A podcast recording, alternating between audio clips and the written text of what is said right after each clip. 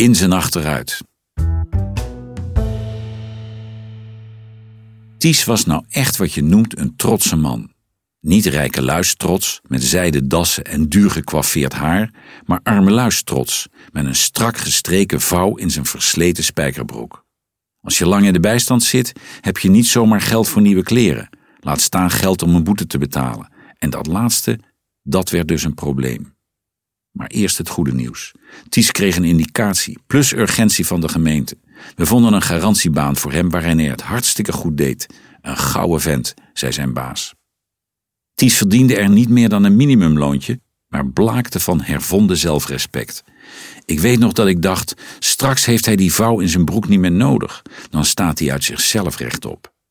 Maar een maandje later zat hij toch weer bij me. Baan kwijt, loon kwijt en weer de bijstand in. Hij schaamde zich blind, wilde er eerst niet over praten. Pas na lang aandringen zei hij: Ik had hem per ongeluk in zijn achteruit gezet. Daarna kwam de rest van het verhaal. Een tijdje terug had hij van een vriend een auto geleend om een nieuwe tweedehands ijskast op te halen. Die auto was een automaat en dat was hij niet gewend. In plaats van in zijn vooruit had hij hem achteruit gezet. Bam, een scooter onderuit.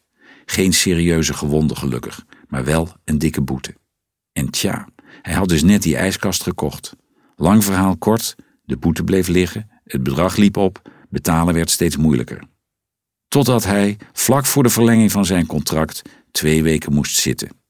Dagcontract. Ties had dus zijn loopbaan, net als die auto, onbedoeld in zijn achteruit gezet.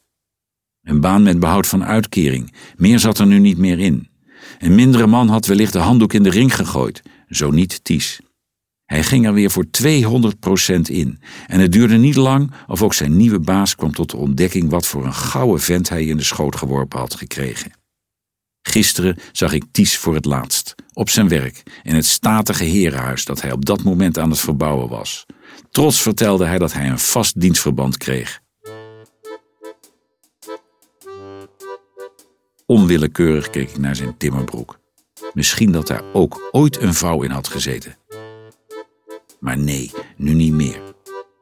Ties stond vol gas in zijn vooruit.